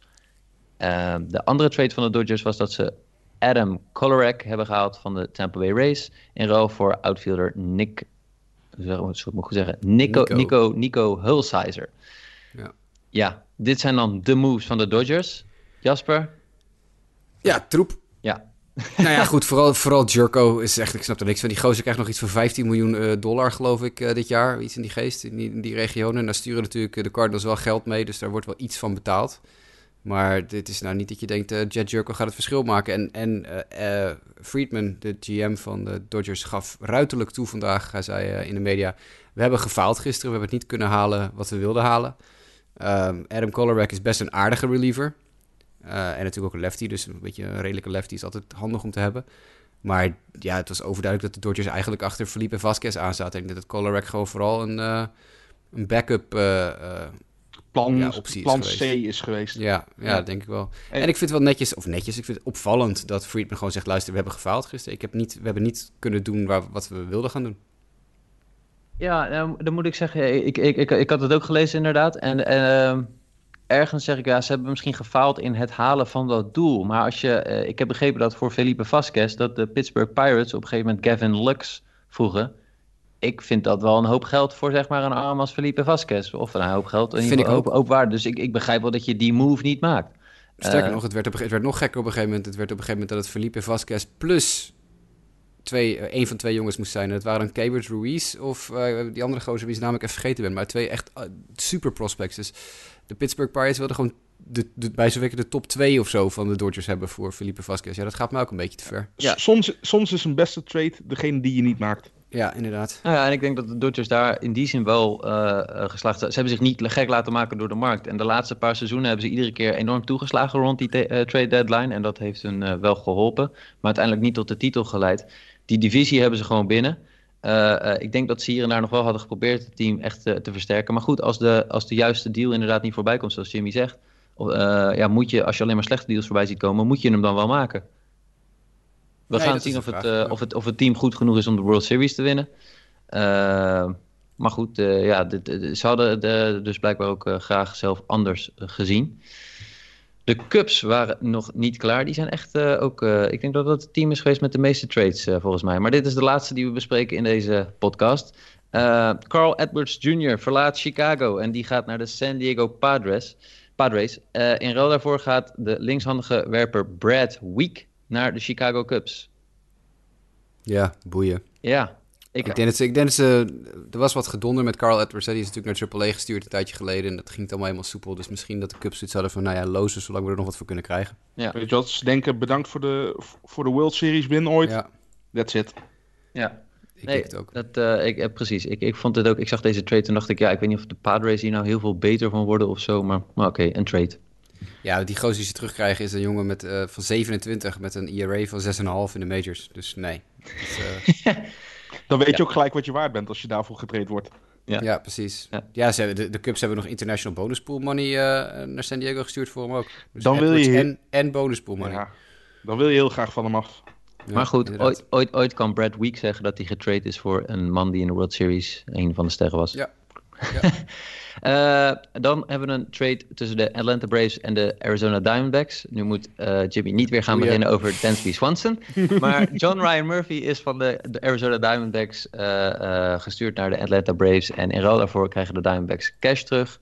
Cash is een betere speler. Ja. ja. Moving on. Over geen, geen familie. Uh, dan waren de Diamondbacks niet klaar. Dit was overigens de laatste trade volgens mij die uiteindelijk rond is gekomen. Maar uh, staat wel hier eerder in de outline genoemd. En dat is dat de Diamondbacks Mike Leake uh, hebben gehaald, de starting pitcher. ze hebben een ruil gemaakt met de Seattle Mariners. En zij sturen de andere kant op Jose Caballero. Ja, ik weet niet of ja. dat Mike Leake dacht dat hij naar dit team zou gaan, zeg maar. Nee, ik, ik weet wel dat de, de Mariners natuurlijk dolgraag uh, van, van League af wilden. Want die kost gewoon te veel voor de situatie waarin ze nu in, ziet, in zitten. Uh, en er is ook nog, geloof ik, uh, wat geld meegestuurd, hè? Ja. Met hem. Ja, dat 12 tot 14 miljoen dollar is er met League meegestuurd. Ja. Ik, ik, ik, laag niet. En was, nee. toen League free voor die deal tekende bij de Mariners, waren toen de Diamondbacks ook niet al geïnteresseerd in ja, hem eigenlijk? Klopt. Maar die wilden niet zo hoog gaan, hè? Nee, nee, de Diamondbacks zijn wel eerder al uh, geïnteresseerd geweest in, uh, in Mike Leake. Uh, maar dus het is op zich niet gek. Dat, maar dat was volgens mij nog in het pre-Mike Hazen tijdperk, denk ik, van de GM van de Diamondbacks. dus het, ik, ik vind het ergens niet verrassend dat ze hem nu binnen hebben gehad. Ik denk dat hij gewoon een rotation filler is voor dit seizoen en volgend seizoen.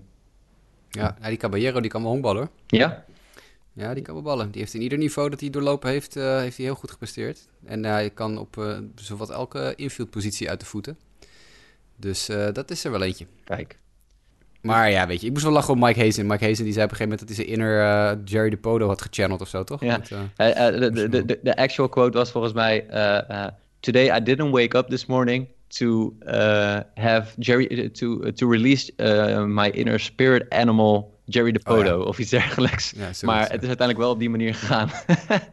dus dat is wel uh, bijzonder. In ieder geval, de Minnesota Twins hebben uh, Sam Dyson gehaald van de uh, San Francisco Giants. En daarvoor hebben ze wel een aantal spelers op moeten geven. Namelijk Jalen Davis, een outfielder, werper Prelander. Die naam heb ik echt nog nooit gehoord als voornaam. Prelander Peroa heet deze jongen. Oké, sorry. Prelander. Prelander. Zoolander, Prelander, ja, is allemaal hetzelfde. Prelander. Prelander Peroa en Kai Wai Teng. Ja, ik word hier een beetje gechallenged ja, op je, je krijgt wel wat curve, ja, je krijgt wel wat curveballs inderdaad. Je Jalen Davis? Ja, oké. Ja. Nee, inderdaad. het eh, enige wat ik zo jammer vind aan Dyson is dat hij geen clean-up hitter is. Vertel. Oh ja, dit is weer zo'n foute grap die niet doorkomt. Dyson is ook een stofzuigermerk. Stofzuiger, ja. Deze was weer verkeerd. Nee. Deze heb ik niet zien aankomen, jongens. Sorry. Maar, maar, goed dat, dat de Twins dit toch doen. Ik bedoel, die, zijn nou, die zijn nou in contention na, na vele jaren weer. Volgens mij 2010 de laatste keer dat ze de playoffs haalden of zo. Ja, zoiets. Ja, ja. Nee, ja, 2009, ja, 2010 zoiets. Ja, en, en, en, en, ze hebben in ieder geval de, de, de, de, de hitters die, die, die alles eruit slaan. En als je dan ook nog even je, je pitching op orde kan brengen. Ja, ja. gaan. Ja, precies. De, ik, uh, die, ik ben een enorme fan van die Jalen Davis trouwens. Ja? Echt, ja, die kan, die kan homeren slaan. Godsamme kraak, hé. Hij heeft er al uh, eh, 22 uitliggen dit seizoen of zo. Maar dat is een beetje inherent aan, aan twinspelers dit seizoen ook sowieso, hè? Ja, dat is wel waar, ja. Maar dit is echt, hij is serieus. Uh, hij slaat, uh, even kijken, in AAA op dit moment 3,31 met 15 home runs en een 1112 OPS. Maar als je, als je, als je ziet wat Kepler doet in, uh, in, in de MLB dit jaar vanuit de outfield position. Ja, en, en vanuit, even kijken, vanuit AAA en AA heeft hij er dit seizoen 2,98 met 25 home runs en een 954 OPS geslagen, die Jalen Davis. En hij is al 25, dus die kan zomaar door de Giants binnenkort opgeroepen worden. Ja, het dus klinkt bijna alsof je zegt dat de, de Giants gewoon hun farm enigszins aangesterkt hebben. Deze jongen is, uh, is een dude, ja. Die is gewoon al een beetje twee, ready. Nou ja, ja, zo goed als. Ja. Als je 331 met 15 homeruns en een 1000 plus OPS in AAA eh, slaat, dan, uh, ja, dan, dan kan het wel. Die andere twee, dat zijn tieners nog. Of is 19 en 20. Dus dat is... Uh, daar kan ik niet zoveel over zeggen nog. Kijk, oké. Nou, de Giants was, uh, hadden nog een deal gemaakt. En dat was de laatste deal die ze maakten. Uh, Drew Pomeranz en Ray Black, twee werpers, die gingen naar de Milwaukee Brewers. Nog meer vraagtekens richting de Brewers. Uh, en in ruil daarvoor krijgen ze terug de San Francisco Giants minor leaguer Mauricio Dubon. Die gedfa'd was eerder deze week door de Brewers. Dus dat is ook een beetje een situatie van... nee, nou ja, we, hebben, we kunnen hem niet meer kwijt, dus dan mag iemand anders hem hebben. Ja, en ik... Maar wat gaan de Brewers met Pomeranz doen? Gaan ze hem starten of in de bullpen? In de boelpen. Hij is fantastisch in de boelpen tot nu toe. Hij heeft zeven, vijf of zeven uh, bullpen appearances gehad. En hij is nog, geloof ik nog niet tegen gescoord. En hij heeft acht strikeouts, vijf, acht strikeouts in vijf innings of zo. Zes innings. Sinds hij naar de boelpen is gestuurd. Dus uh, nee, die zou ik niet in de rotation zetten. Want dat, uh, daar werd hij kapot gebeukt iedere keer bij San Francisco. Ja, yeah, it, wasn't, it wasn't very pretty. Nee, Ray. Black die nog 102, 103 mijl per uur kan gooien als hij fit is. Ja. Dus, vijf innings inderdaad als reliever. En acht strikeouts en één hit tegen slechts. Nou, hier, hoppa. In één keer vier wijd. Aardig in mijn hoofd zitten dan. Ja, ik moet zeggen, de walking encyclopedia. Uh, nee, ja, ik, ik, moet zeggen, dit zijn dus alle trades die de Brewers gemaakt hebben. Zijn, is, is, is hun bullpen, is hun rotation heel veel sterker geworden uh, in de mate waarin ze dat echt nodig hadden? Nee, maar ze kunnen wel weer meer klappen hebben nu. Als er iemand uitvalt, hebben ze nu mensen om die plekjes in te vullen. En dat was het doel, denk ik. Ja, gewoon echt puur depth weer aangevuld. Ja. ja, ja. Kijk, maar dat moet ook wel in de divisie waar ze spelen. Je kan niet vanaf één trade die je over de top brengt. Oké, maar stel voor die raakt geblesseerd, heb je een probleem. Nu hebben ze gewoon die reliever voldoet niet of is geblesseerd. Heb volgende erin. Ja, ja. oké, cool. Uh, de Tampa Bay Rays maakte nog een trade. Ook dat was een uh, super actief team. Uh, en dat was een in-state trade, de Florida teams only. namelijk de Miami Marlins ontvingen Jesus Sanchez, de outfielder, en Ryan Stanek, de werper. En zij deden naar de Tampa Bay Rays Nick Anderson en Trevor Richards. Trevor Richards uh, en, en, Ryan Stanek zijn de, denk ik de grote namen hier. Jesus Sanchez is ook wel een beetje een figuur, een beetje een goede, goede honkballer. Die Nick Anderson, dat is uh, oké, prima. Maar uh, ja, dit is, dit is weer een beetje ruilen om het ruilen, denk ik. Ja, dat denk ik ook.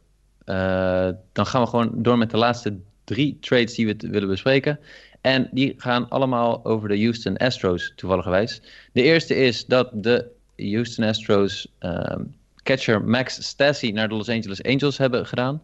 Ja, eh, gefeliciteerd. ja, ja logisch zat, zat er natuurlijk Maldonado, Maldonado erbij. Ja. Rainer Rivas en Ryder Uceta zijn teruggekomen naar de Houston Astros. Woohoo! Ehm, de andere is dat ze een ruil hebben gemaakt met de Toronto Blue Jays. En hier wordt denk ik Jasper al enigszins enthousiast van. De Houston Astros get Joe Biangini, Aaron Sanchez en minor leaguer Cal Stevenson. En zij sturen de andere kant op outfielder Derek Fisher. Ik word hier om twee redenen uh, enthousiast van. Ten eerste is Derek Fisher de speler die uh, Kyle Tucker blokkeerde. Dus dat betekent dat er nu het pad voor Kyle Tucker naar de majors weer iets makkelijker is. Ik wil niet zeggen dat het meteen de eerstvolgende stap die de Astros doen is Kyle Tucker oproepen. Maar Derek Fisher was de reden dat hij nog niet opgeroepen was. Want uh, Derek Fisher had geen opties meer. Dus als ze hem naar de minors zouden sturen, dan zouden ze hem kwijt zijn. Uh, dus uh, dit is daarom leuk. Maar Aaron Sanchez, dat is, dat, is, ja, dat is hem natuurlijk. Dit is de Astros, de club die als een van de beste in de majors omgaat met werpers die wat problemen hebben. Die iedere werper beter maakt. Iedere werper die in Houston komt, wordt beter. Of het nou Garrett Cole is, of Justin Verlander, of... Jasper nou ja, Jimmy Driesen. Ja, serieus. Ze kunnen, van mij kunnen ze waarschijnlijk nog een Major League werper maken. Kijk naar Charlie Morton. Ja, ja, ja, precies. Charlie Morton. Iedere werper die daar binnenkomt, wordt beter. En Aaron Sanchez, het talent heeft er altijd in gezeten. En hij heeft een paar heel goede seizoenen gehad. Natuurlijk heel veel blaarproblemen gehad met zijn vinger. Nou, hij zegt zelf dat die nu opgelost zijn. Hij heeft een manier gevonden om ervoor te zorgen dat hij die blaarproblemen niet meer heeft. Ja, nou, als nu de, de Astros Analytics Department hun handen op zo'n jongen krijgen. Ik zie Aaron Sanchez nu in een paar maanden uitgroeien tot categorie Lance McCullers. Echt, de, ja, dat wordt weergeloos. Als dit je nummer 5 is straks in je rotation. Ja, bizar eigenlijk, hè? Dat is toch, dat is toch absurd? Dat zou bij andere teams zou dat uh, minimaal een, een, starting pitcher nummer 3 zijn. Minimaal. Minimaal, minimaal ja. ja. dit, dit, ik, ik heb gewoon heel erg veel zin om te zien wat zij met hem kunnen doen. Want er is er ook nog iets met zijn spin rate? Uh... Ja, hij, zijn spin rate is altijd al, al heel, was al heel goed. Hij was al een pitcher die, die toevallig al bekend stond en zelf ook wist dat zijn spin rate behoorlijk... Uh, uh, aan de goede kant was.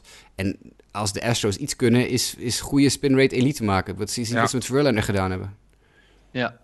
ja, en ik heb begrepen, maar goed, dat, uh, dat, dat Aaron Sanchez vermoedelijk in de bullpen uh, eerst terecht gaat komen in Houston. En dat ze waarschijnlijk na dit seizoen hem misschien gaan tweaken en dan weer echt een, een, een fulltime starter maken. Sterker nog, ik denk dat ze hem nu al gaan tweaken. Dat ze hem daarom in de boelpen stoppen. Ja. Ja, dat hij één, één inning per keer kan werken aan zijn, aan zijn staf. En dat is ook minder risico. Hè? Als het dan een keer, als het een keer niet, niet lukt, te, als hij staat te, eigenlijk te trainen tijdens een wedstrijd op iets nieuws wat hij moet doen. En het lukt een keer niet, haal je er vanaf en dan zet je iemand anders erop. Ja, kans dus op blessure is ook natuurlijk een stuk kleiner. Precies, ja. Dus Ik, denk, ik denk dat dat inderdaad wel een slimme, als ze dat inderdaad zo aanpakken, een slimme manier is om hem, uh, ja, get with the program, zeg maar. Ja, ik, Ik, ik, ik, geloof in de approach die de Astros naar de ja, pitchers hebben. Dus wat zij doen, neem ik eigenlijk voor blind aan dat dat goed is. Absoluut. ja, en Joe, Joe Bianchini is denk ik ook nog wel een... Uh, Joe the Great heet hij uh, ook nog wel. Is denk ik ook wel een redelijk nuttige arm nog voor een... Uh, die ze erbij kunnen hebben. Ja. er was nog één andere nuttige arm die de Houston Astros erbij hadden gehaald. met de Arizona Diamondbacks hadden ze een trade gemaakt om een Zach Greinke toe te voegen aan de rotatie. Was nog niet sterk genoeg, was nog een beetje onzeker. Dus ze denken we halen er nog een werpertje bij. Uh, daar hebben ze wel wat veel voor op moeten geven, heb ik begrepen. Uh, namelijk uh, de nummer 3, 4 en 5 prospects van hun farm system. Plus een jongen die echt een fantastisch seizoen heeft. Ja, en als dus, ik ze even moet opnoemen, is het ene Corbin Martin die vorige maand een Tommy John surgery heeft ondergaan. JB Bukauskas, Seth Beer en Joshua Rojas als jij bier in return krijgt, win je de trade sowieso. sowieso, ja. Nou ja, maar goed, ja, iedereen weet hoe ik over... De luisteraars die langer dan een jaar luisteren, weten hoe ik over Seth Beer denk. Dus dat is... ik vind het jammer dat hij naar de Brewers is getraind.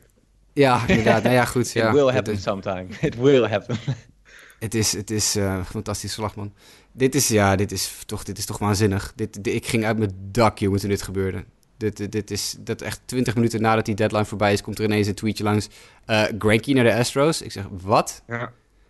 Ja. Nee, dit is, ik zit in een, in een WhatsApp-groep met een uh, hele zooi journalisten uit Amerika. En daar ging het ook helemaal los. Echt helemaal En die zijn mensen zo snel als, als dat ik ben, toch Jasper? Ja, dat, dat, dat, oh ja, dat vinden misschien mensen wel even geinig om te horen. Jimmy was gisteren heel fanatiek met het iedere keer door WhatsAppen uh, als er een, een trade was. Jimmy was bijna nog sneller dan Twitter soms. En eh, ja, je hebt je notifications of zo aanstaan, weet ik niet. Maar het, was echt, het ging op, op vijf seconden van elkaar. kwam eerst Jimmy en dan kwam die Amerikaanse uh, journalistengroep erdoor. Dus dit was, uh, ja, dit was wel een. Uh, Jij kon niks missen in ieder geval. Ik heb je zelf screenshotjes als bewijs gestuurd. Dat je dat echt op de minuut af het tegelijk met, met die gozers was. Dus dat was wel, was wel humor. Maar dit is natuurlijk. Wat is dit voor trade, jongens? Dit is, dit is toch absurd. Dit Arizona doet dit. Maar die beide teams moeten maken, toch? Ja, tuurlijk. Arizona die haalt hier echt even vier super, super talenten op.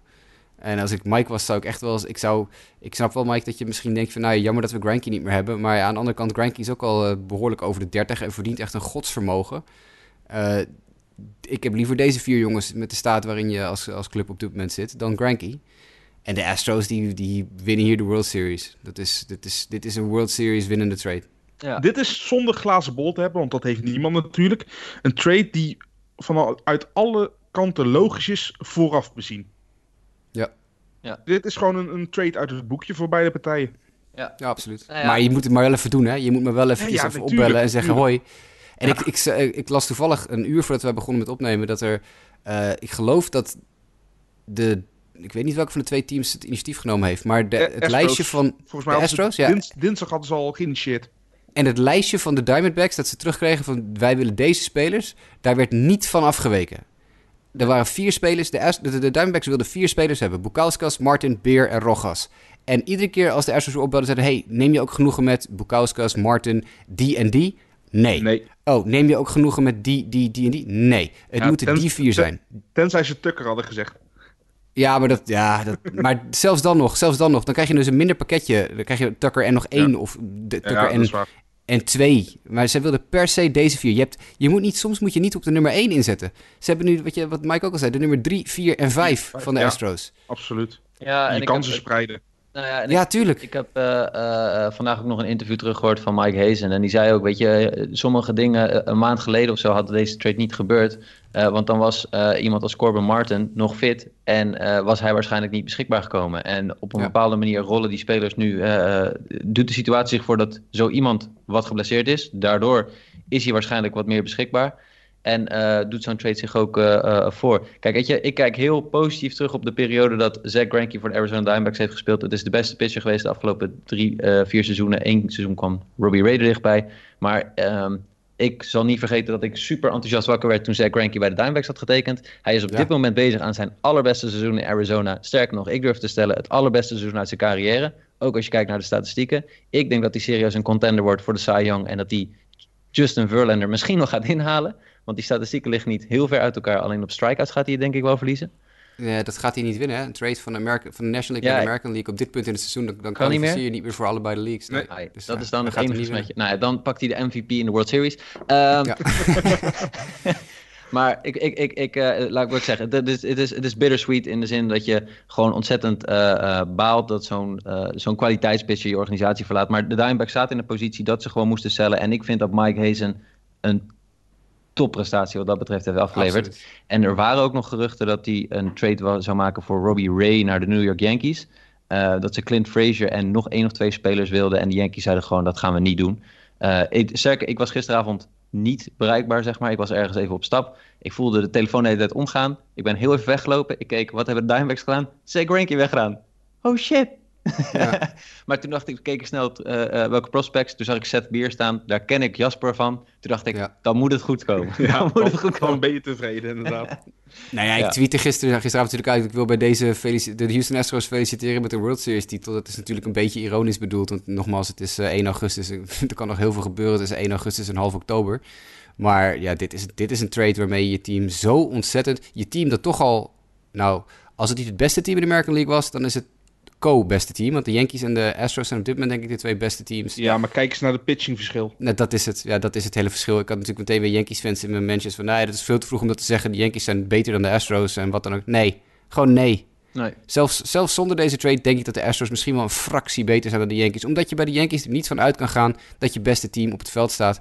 Plus de, pitch, de pitching bij de Yankees is gewoon nou, niet één stap minder, maar gewoon drie stappen, vier stappen minder dan de Astros. Zelfs zonder Granky. Maar, maar gewoon in, in, een korte serie zeg maar een serie of uh, best of five serie. Ja. krijg je eerst ja, Verlander krijg, krijg, je Verlander, Cole, Cole en Granky. En Granky, ja. ja nou, Succes. Prettige wedstrijd. Ja, hoor. En dan krijg je voor de Yankees krijg je, uh, nou ja, waarschijnlijk Tanaka, Germaan. En misschien dat tegen die tijd uh, Severino fit is. Severino weer terug is, ja. Of, nou, of, maar of je krijgt bullpen galore, hè. Dus je krijgt gewoon uh, al die grote namen. Nee, ja, dat gaat ook niet werken. Ja, maar, het is de manier waarop ze moeten competen met ze. Ja, maar dat ga je niet in een serie volhouden. Dat ga je in een wedstrijd volhouden. Zeker, maar in een serie niet. Nee, klopt. Ik, uh, dit, nogmaals, het is honkbal en er kan natuurlijk heel veel geks gebeuren. En de Yankees kunnen weer 100% fit raken en wat dan ook. Maar op dit moment is dat echt no contest. De Houston Astros zijn het beste team in de American League. En de Houston Astros zijn World Series favoriet nummer 1 door deze trade. Ja, lijkt ik vind het wel interessant trouwens, want uh, we gaan uh, afronden. Boston Red Sox? Ja, helemaal niets. Helemaal Crickets. niets. Crickets. Ja.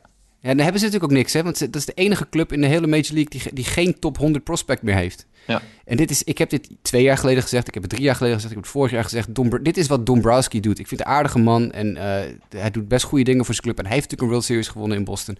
Maar zo heeft hij de Tigers ook achtergelaten. Hij heeft de Tigers helemaal leeg getrade ja. voor alleen maar grote namen, oude grote namen. Ja. Dikke contracten, de Prince Fielder, Prince de Welke contract, noem maar op. Uh, hij heeft ze helemaal leeg en ze, hij heeft de Tigers achtergelaten met helemaal niets. En het enige wat El Avila nu gedaan heeft in de laatste twee, drie jaar... is dat Tigers systeem weer een beetje oppompen met goede drafts... en hier en daar trades voor nou, jongens als Verlander en jongens als Green en zo. Uh, maar hij laat nu, op dit moment is Dombrowski de Boston Red Sox op eenzelfde manier aan het ontmantelen... als hij eigenlijk met de Tigers heeft gedaan. Want de Boston Red Sox, de Boston Red Sox zijn de enige club die geen uh, prospects in de top 100 heeft. Ja, uh, zoals je wel al zegt, het heeft ze wel een ring opgeleverd en bij de Tigers niet. Dus ja, het is een hele hoge prijs geweest, maar ze hebben, ja, ze hebben hem wel gewonnen. En dat, is uiteindelijk wat je wel wil bereiken. Maar het is niet hoe je duurzaam een World Series nee, contender bouwt. Dat is weer, uh, ja. Nee. Maar um, heel kort, want er weet nog heel veel wat mij verder was opgevallen. Uh, Baltimore die bepaalde spelers gewoon vast heeft gehouden, zoals Givens. Wat een interessante naam was om, om eventueel weg te treden. Uh, Pittsburgh, die nog steeds Vasquez hebben. Uh, Mets, vraagtekens, vraagtekens en nog eens vraagtekens. Colorado, dat eigenlijk niks heeft gedaan. San Diego ook redelijk stilgebleven. En, en de Dodgers, zeg maar. Maar voor de rest is eigenlijk, zijn de meeste teams wel bezig geweest om te kijken hoe ze hun team konden versterken. Ofwel korte termijn of lange termijn. Ja, San Diego heeft Taylor Trammell natuurlijk gehaald in de Trevor Bauer deal. dus dat is ook wel, als je dan een top prospect binnenhaalt, dan heb je op zich wel iets gedaan. Hoeft er op zich ook niet heel veel te doen. Maar wat was jullie het meest opgevallen verder? Jimmy? Ja, wat Jasper in het begin ook al zei, heel veel deals voor, voor, voor relievers die geen closers zijn. Dus echt gewoon uh, ja, depth deals, gewoon armen, armen, armen. En we zien wel wat, uh, wat er van uh, terecht komt. Jasper? Ja, ik, ja die, alles gaat met die Greinke deal natuurlijk, hè. Dat is, dat, dat is het meest in het oog springende ding. ik had persoonlijk gedacht dat de White Sox nog wel een move zouden maken. je kijkt natuurlijk ook een beetje altijd vanuit je eigen club, zoals jij natuurlijk naar de Diamondbacks kijkt en, en de Phillies moves. bij Jimmy natuurlijk altijd wat interesse, wekken. Ja, want we hadden nog een move tussen onze clubs kunnen verwachten, toch? Dat, eh, stiekem had ik wel verwacht. Ik had serieus gedacht dat Alex Colomé uh, verkocht zou worden door de White Sox. Ik, ik kon eigenlijk niet voorstellen dat ze hem zouden houden. Maar dat is, ja, blijkbaar is er geen aanbieding gekomen waar de, de, White Sox genoegen mee wilden nemen voor Colomé. dat vind ik, een, vind ik dom. Ze hebben wel nog één move gemaakt trouwens, die hebben we niet genoemd, maar dat is ook echt heel insignificant. Oh, Nate Jones. Nate Jones. Oh ja. Ja, die op de 60-day IL staat omdat hij een kapotte pronator heeft, geloof ik, of een flexor in zijn arm. Dus die is naar de Rangers gegaan voor twee uh, single A of twee rookie ball pitchers en, uh, en wat international bonus pool money dat ook nog naar Texas gaat. Ja, het ging toch vooral over die money en zo, toch? Ja, tuurlijk. Nate Jones die, die gooit nooit meer een bal naar de majors, die is kapot. Dus dat is, maar goed, weet je, ik had gehoopt dat ze met Colomé nog iets binnen zouden halen. Als je ziet wat Shane Green krijgt, nou, dan had Colomé het ook nog wel wat kunnen opleveren. Maar dat is helaas niet gebeurd. Voor de rest... Was de vraagprijs dan te hoog? Of denk je dat ik denk het, ja. Ik denk het, ja. Ik zie de enige reden... De White Sox claimen wel van, ja, we willen niet per se... Het hoeft niet per se, we willen Colomé ook nog wel een jaar houden... Voor als we volgend jaar meedoen om de prijzen. Als Kopek weer terug is en als uh, iedereen weer fit is. En als Louis Robert uh, naar de majors is. En, en uh, dit blijft volhouden. En Giolito en, en, en Dylan Cease weer een, een, een half seizoen de, in de majors uh, erop heeft zitten. En uh, nou ja, goed, noem al die gasten erop die nog komen. Nick Madrigal, dat soort jongens. zit, zit eigenlijk gewoon een beetje in de spagaat. Ja, ik geloof het niet helemaal. Ik had die jongen gewoon weg moeten doen. Als je, als je de kans krijgt om voor, voor, een, voor een, nou ja, wat, wat de, de Tigers krijgen voor Shane Green. Zo'n zo'n pakketje, Joey Wentz en Travis Demerit of zo. Ja, want weet je wat het is? Kijk, mocht je onverhoopt volgend jaar toch ineens contenten, kan je altijd wel weer een deal maken. Precies. Ja. Nou ja, laat ik in ieder geval hopen dat we volgend jaar net zoveel spektakel en vuurwerk krijgen als dit jaar. Want ik vond het alweer uh, ouderwets een beetje genieten, toch? Ja, het venijn zat hem in de staart echt weer, hè? Ja. We hebben het wel voorspeld ook, hè? In de, in de preseason podcast toen we het hadden over deze nieuwe ontwikkelingen, trade deadline. Toen zeiden we al, dit gaat, dit gaat het spektakel op moeten leveren. Want teams kunnen geen trades meer maken in augustus, zoals vroeger wel konden. Nee, klopt, klopt, klopt. Dus nu moeten ze wel. Nu is het doorpakken. Dat is nou ook ja, gebeurd. En, en, alleen mensen die niet op 40 man ros staan, kunnen toch nog... Uh wel getrade wordt of niet? Nee, er is, geen, er is een harde trade deadline. Er kan oh, helemaal niet meer getrade worden. Nee, dat is, dat is, dat is de reden dat het dit jaar anders is. Er mag helemaal niet meer getrade worden nu tot 1 november. Nee, ja. Maar ik vond het wel ook weer mooi dat we ook echt de grote namen weer hebben zien gaan. En ook echt voor best wel leuke pakketten en dergelijke. Weet je wel, Trevor Bauer ook. Dus uh, we gaan kijken hoe het de tweede seizoen zelf verder uh, uh, gaat gebeuren. wij zijn eventjes er nu zo'n twee weken denk ik niet meer, Jasper? Ja, ongeveer een dag of uh, 10, 11, 12. Ja. Yes. Dus uh, in de tussentijd uh, kun je ons natuurlijk wel gewoon uh, vragen stellen via Twitter. dat kan voor Jasperoos, at Jasperoos. voor Jimmy Driessen, at Jimmy Driessen. Toch? Dubbel M, ja. S. Ja, yep. rijke tak. Yes. voor mijzelf, at mdijk90. voor Justin, at jwkev. voor Nick Alessi, at iNickD. En je kunt ons altijd nog een lezersvraag sturen naar justabitpodcast.gmail.com. Dan zitten we verder nog op de socials, Facebook en Twitter op Sport Amerika. En Instagram op sportamerika underscore underscore.